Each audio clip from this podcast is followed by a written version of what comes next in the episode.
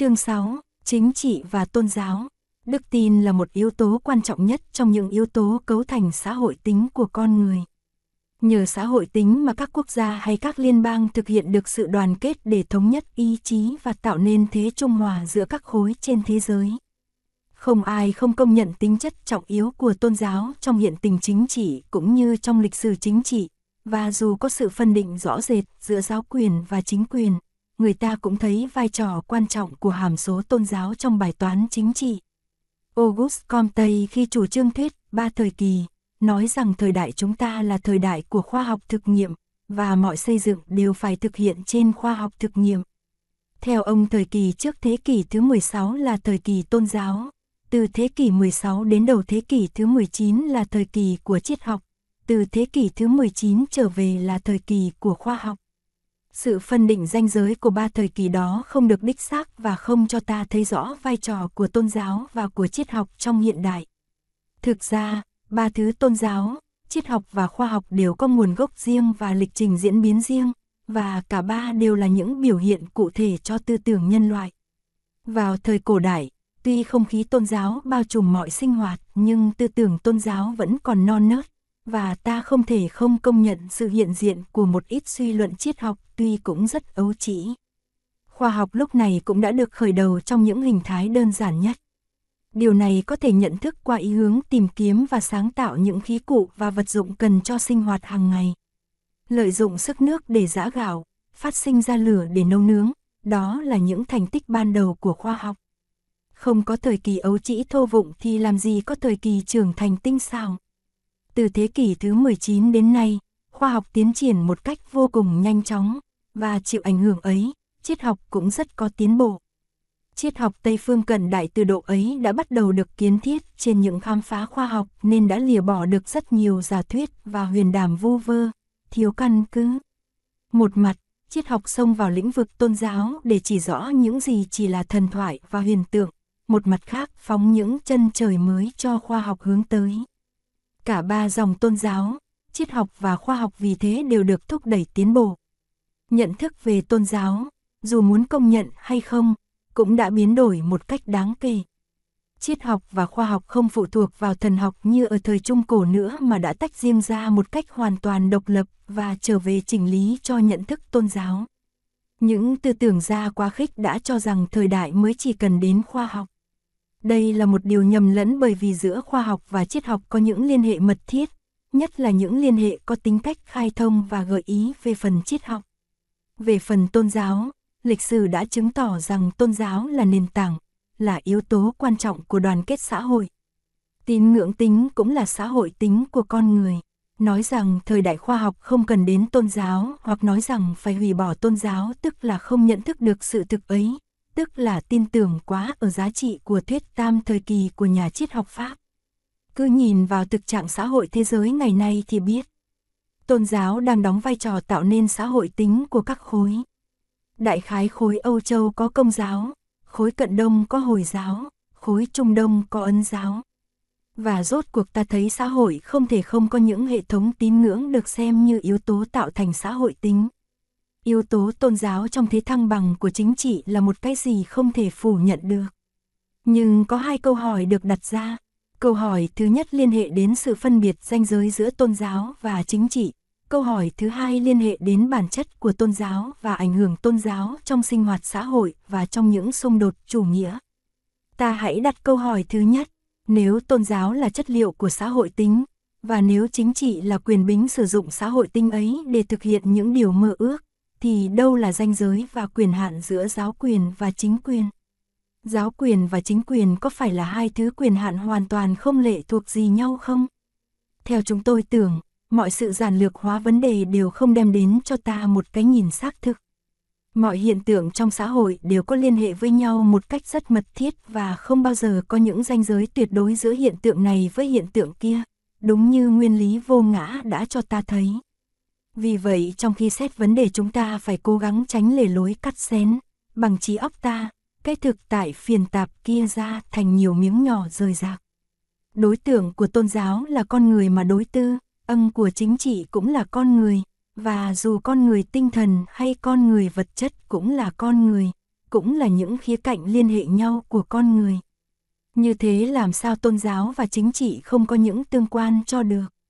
Điều ta có thể nói là trong khi chính trị dùng những quyền hành quân sự thì tôn giáo dùng những quyền hành tinh thần và tình cảm, trong khi chính trị dùng những phương tiện luật pháp thì tôn giáo dùng những phương tiện đạo đức. Một bên là pháp trị và một bên là đức trị. Nếu có sự áp dụng đức trị thêm vào trong mặt pháp trị tức là có sự sử dụng tinh thần tôn giáo đạo đức trong phạm vi chính trị. Trong phạm vi tôn giáo nhất là trong những tôn giáo mà giáo quyền quyết định mọi sự áp dụng pháp trị. Và như thế phương pháp của chính trị được áp dụng ít nhiều trong phạm vi tôn giáo. Đáng lý ra, theo ước muốn của con người, tôn giáo chỉ được thuần túy dựng trên đức trị. Ta cũng nên hiểu tôn giáo như những lực lượng văn hóa mà trung tâm là một ý thức hệ. Tôn giáo cũng như chính trị, nhắm đến đối tượng con người và đến sự thực hiện thế giới lý tưởng của con người, hoặc ngay trên trái đất này, hoặc ở một thiên đường ngoài trái đất này. Nhưng dù trên trái đất này hay ở một thiên đường ngoài trái đất này thì cũng vẫn là những con người này, những con người mà ta gặp gỡ và cùng chung sống hôm nay. Cũng những con người ấy chịu ảnh hưởng, chịu sự hướng dẫn, chịu sự chi phối và chịu những mệnh lệnh của tôn giáo và của chính trị dù là do chính con người tạo ra. Và như thế phải có mâu thuẫn, bởi vì có hơn một đường lối, hơn một minh lệnh. Từ xưa đến nay đã có những trông báng và những hợp tác giữa các nhà văn hóa, ta tạm gói chữ tôn giáo trong chữ văn hóa, và các nhà chính trị. Các nhà chính trị luôn luôn đi tìm những nhà văn hóa để lợi dụng, xin nói trắng với lại chữ lợi dụng không có nghĩa gì xấu, bởi vì chính trị nào cũng phải có quần chúng mà tư trào văn hóa nào lôi kéo được quần chúng thì có thể bảo đảm cho sự đứng vững của một thế chính trị. Ta hãy lấy ít ví dụ ở xã hội nông nghiệp Trung Hoa ngày xưa. Một nền văn hóa chủ trương đề cao chữ Trung cố nhiên được các ông vua ưa thích. Chữ Trung đã mang ý nghĩa chung với một ông vua, chung với một triều đại, một dòng họ. Và lệnh vua phải được triệt để tuân theo, dù đó là lệnh ban cho mình cái chết, quân sử thần tử, thần bất tử bất trung. Giáo lý trung quân khi đã được nhiều người theo và sùng kính như một nguyên lý tôn giáo, đó là công trình của nhà văn hóa cũng như nhà tôn giáo, có thể bồi đắp và giữ gìn một cách rất hữu hiệu cho sự tồn tại của một ông vua, một chính quyền. Thường thường một ông vua, vì muốn tỏ cho người sĩ phu biết là mình phục thiện, mới miền cưỡng bằng lòng nguyên tắc, dân vi quý, xã tắc thứ chi, quân vi khinh, kỳ thực rất muốn người ta xem mình như là cha mẹ. Không những thế, còn bằng lòng tự nhận mình là con trời nữa, như sự sắp xếp của nhà văn hóa và tôn giáo. Thờ vua trở thành một tôn giáo, bởi vì vua không những là nhà chính trị mà còn là thiên tử, người thuận thiên hành đạo. Và giáo quyền hợp lực với quân quyền, cả hai bên đều có lợi, một bên là chính quyền được vững chãi, một bên là giáo quyền và giáo lý được nâng đỡ, tôn giáo, phát triển ảnh hưởng và thế lực trong quần chúng. Nếu nhà chính trị đi tìm nhà văn hóa, thì nhà văn hóa cũng đi tìm nhà chính trị. Tuy nhiên ta phải ghi nhận điều này, thường thường nhà chính trị, vì tin tưởng quá nhiều ở khả năng của quyền binh pháp trị, nên có thể tìm đến với bất cứ một tư trào văn hóa nào tạo được xã hội tính mạnh nhất trong xã hội mình, trong khi đó nhà văn hóa, tôi nói nhà văn hóa chân chính, thường chỉ nhìn vào khả năng thực hiện đường lối văn hóa mình nơi nhà chính trị để mà chọn mặt gửi vàng. Lý do là các nhà văn hóa biết rằng nếu có nhà chính trị giỏi chịu đi theo họ thì họ sẽ có thêm một phương tiện sắc bén nữa để thực hiện nền văn hóa ấy, ngoài những phương tiện văn hóa của chính họ. Những nhà văn mà cứ su phụ vào bất cứ một chính quyền nào thì đều là những nhà văn hóa nô dịch không có lý tưởng. Những nhà văn hóa có lý tưởng thì luôn luôn hướng đến một tương lai đẹp hơn hiện tại, và có ý dùng lực lượng văn hóa của họ để buộc nhà chính trị thực hiện ước muốn chân chính và tiến bộ của lý tưởng kia. Văn hóa nào cũng muốn là văn hóa dân tộc, tôn giáo nào cũng muốn là quốc giáo. Quốc giáo không phải như một chức vị, mà là một hiện thực, để mà thực hiện lý tưởng. Trong xã hội ta ít ai chịu đựng được ý niệm một quốc giáo, nhưng mà sự thực của tâm trạng các nhà tôn giáo thì chưa chắc. Cố nhiên là nhà chính trị, sợ, nhà văn hóa trong trường hợp nhà văn hóa không ủng hộ cho mình và còn muốn cho mình làm những điều mà nếu mình làm thì mình phải đổ. Như trong trường hợp nhà chính trị độc tài, độc tài là phương tiện để đứng vững lâu thêm. Và vì vậy có hiện tượng đàn áp những tư trào văn hóa nào có cơ hội kéo được đa số quần chúng theo và đang là một sự đe dọa cho sự tồn tại của chính quyền. Chỉ có những nhà văn hóa nô dịch mới được bảo đảm trong một chính thể độc tài, còn những nhà văn hóa chống đối bao giờ cũng bị đe dọa. Khi một tư trào văn hóa lớn mạnh, nhà chính trị sẽ không dám đe dọa nữa và bắt buộc phải vuốt ve, hoặc thoa dịu, hoặc nâng chiều. Sự nâng chiều đứng đắn nhất là thực hiện sốt sắng những lý tưởng văn hóa kia dù sự thực hiện đó đòi hỏi can đảm, nhượng bộ và hy sinh. Trong trường hợp một tư trào văn hóa nào đó mà được hướng dẫn bởi những động cơ quyền thế và danh lợi, và nếu tư trào đó lớn mạnh thì đó là một điều đại bất hạnh cho xã hội. Chính quyền sẽ phải su phụ theo đó, nếu muốn đứng vững, và su phụ theo tức là phụng sự cho bóng tối và cho đau khổ của xã hội. Nhà văn hóa mà đi lầm đường thì còn tàn hại hơn nhà chính trị nhiều. Trong khi nhà chính trị đi tìm hậu thuẫn quần chúng nơi nhà văn hóa thì nhà văn hóa, ngoài công việc phát huy hướng dẫn và thực hiện bằng những phương tiện của mình, cũng để mắt tới những nhà chính trị mà họ nhắm có khả năng thực hiện văn hóa họ. Việc đi chu du của khổng tử qua các nước chẳng hạn là để tìm những chính quyền có thiện trí và khả năng thực hiện đường lối văn hóa khổng tử. Ít có ông vua nào chịu là vì văn hóa đó chưa phải là một thực thể mà mới là một dự án. Nếu Đức Khổng Tử trước tiên chịu khó mở trường dạy học, chịu khó phổ biến đường lối, làm cho ý thức hệ mình trở thành xã hội tính của một xứ sở thì không cần chu du tìm kiếm cũng sẽ có nhà chính trị tìm đến. Nhưng nhà làm văn hóa không hẳn là để cho nhà chính trị tìm đến, làm văn hóa là cố thể hiện một ý thức hệ trong sự sống của con người, bằng những phương tiện sẵn có trong phạm vi văn hóa. Và chừng đó cũng đã là đáng kể lắm rồi. Khi văn hóa đã trở thành sự soi sáng cho ước vọng và ý chí của quần chúng thì tự khắc bằng cách này hay cách khác nó được thực hiện. Chất liệu văn hóa của một lực lượng xã hội bao giờ cũng có ảnh hưởng trên sinh hoạt mọi mặt của xã hội ấy.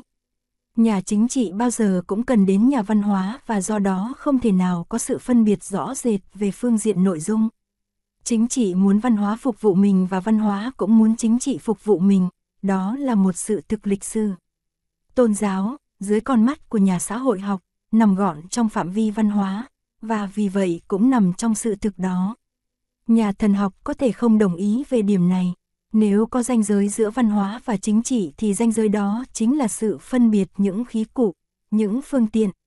Nhà chính trị có những khí cụ và phương tiện khác nhà văn hóa, sự lạm dụng khí cụ của nhau khiến cho hai bên dính vào nhau và văn hóa sẽ mất đặc tính văn hóa. Rõ ràng nhất là trong trường hợp tôn giáo, tôn giáo xen vào chính trị có nghĩa là tôn giáo muốn dùng đến những phương tiện chính trị hoặc để thực hiện lý tưởng mình hoặc để phát triển uy quyền và thế lực mình trong xã hội.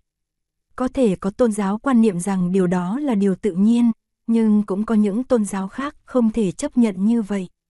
Ví dụ trong trường hợp đạo Phật, đạo Phật có thể nhận sự bảo trợ của chính quyền trong trường hợp nhà chính trị thấy lý tưởng đạo Phật thích hợp với đường lối họ, như trường hợp vua Asoka ở Ấn và các vua triều lý Việt Nam, nhưng đạo Phật không bao giờ muốn nắm lấy quyền bính hoặc có ý thao túng chính quyền. Tuy thế, có những tôn giáo tự nhận quyền hành chỉ đạo tinh thần cho cả chính trị và như thế, ngoài phương diện đức trị, những tôn giáo ấy, qua trung gian của chính quyền, dùng cả phương tiện pháp trị nữa người lãnh đạo tôn giáo trở thành vua của các ông vua, tổng thống của các ông tổng thống. Ở những xã hội chỉ có một tôn giáo đáng kể thì điều này có thể thực hiện, nhưng ở những xã hội có nhiều tôn giáo, điều này là một điều nguy hiểm. Tôn giáo đã đành phải có những đóng góp trong xã hội đóng góp những gì rất quan trọng như là tạo nên xã hội tính chẳng hạn nhưng chỉ có thể đóng góp với tư cách tôn giáo. Nếu không, tôn giáo sẽ không còn là tôn giáo nữa. Nói rằng hàm số tôn giáo rất quan trọng trong bài toán chính trị không có nghĩa là nói rằng tôn giáo có thể đóng vai trò chính trị. Nếu tôn giáo không còn là hàm số tôn giáo nữa mà lại là một thứ hàm số khác. Bây giờ ta hãy thử xét đến câu nói thứ hai. Câu hỏi có liên hệ đến vấn đề bản chất và ảnh hưởng của tôn giáo trong mọi sinh hoạt xã hội, trong đó có sinh hoạt chính trị. Cố nhiên ai cũng thấy rằng mọi sinh hoạt xã hội chịu ảnh hưởng ít nhiều của tôn giáo, nghĩa là chịu ảnh hưởng cái chất liệu đã tạo nên xã hội tính của con người trong xã hội đó. Tuy nhiên không phải các tôn giáo đều có công như nhau. Xã hội chỉ có thể tiến bộ nếu nhận thức về tôn giáo có tiến bộ. Những nhận thức cố chấp về tôn giáo đã kềm hãm sự tiến bộ của nhân loại nhiều lắm, lịch sử văn hóa cho ta thấy điều đó. Nhưng tiến bộ của xã hội, trong đó có tiến bộ khoa học, giúp cho sự tiến bộ về nhận thức tôn giáo và ngược lại những tiến bộ về nhận thức tôn giáo cũng làm điều kiện cho xã hội tiến bộ. Vậy nên cố chấp vào những giáo điều đã trở thành ngây thơ trước sự tiến bộ của khoa học tức là cản trở bước đi của khoa học và cũng tức là quá tin ở sự lý giải của mình đối với nội dung của tôn giáo mình đang theo. Tuy nhiên thái độ không cởi mở của người tín đồ không hẳn là kết quả của một lề lối nhận thức đã đóng khung người tín đồ ấy lại, mà còn là kết quả của cái bản chất tôn giáo mà giáo điều căn bản được xây dựng trên những nhận thức có tính cách thần thoại và không thể đứng vững hoài được trước sự tiến bộ của nhận thức khoa học.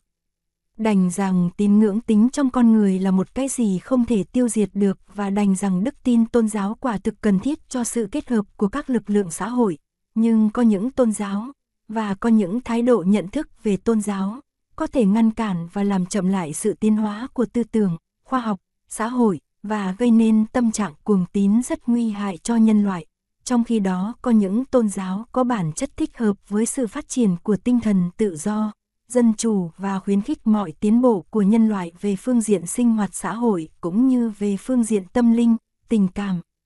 Tinh thần vô tư của nhà khoa học và tâm trạng thao thức đi tìm chân lý một cách khách quan của nhà triết học, chứ không phải là nhà thần học cần phải được chiếu rọi vào tôn giáo để giúp cho nhận thức về tôn giáo được sáng tỏ và tiến bộ. Một khi con người có được nhận thức tỉnh táo về tôn giáo, đức tin nơi tôn giáo không cần và không nên là một đức tin say mê vô điều kiện, thì con người sẽ có những khám phá mới lạ về tôn giáo và tránh được cho nhau những va chạm không cần thiết những va chạm bao giờ cũng gây oán thù chết chóc và khổ đau cho nhân loại.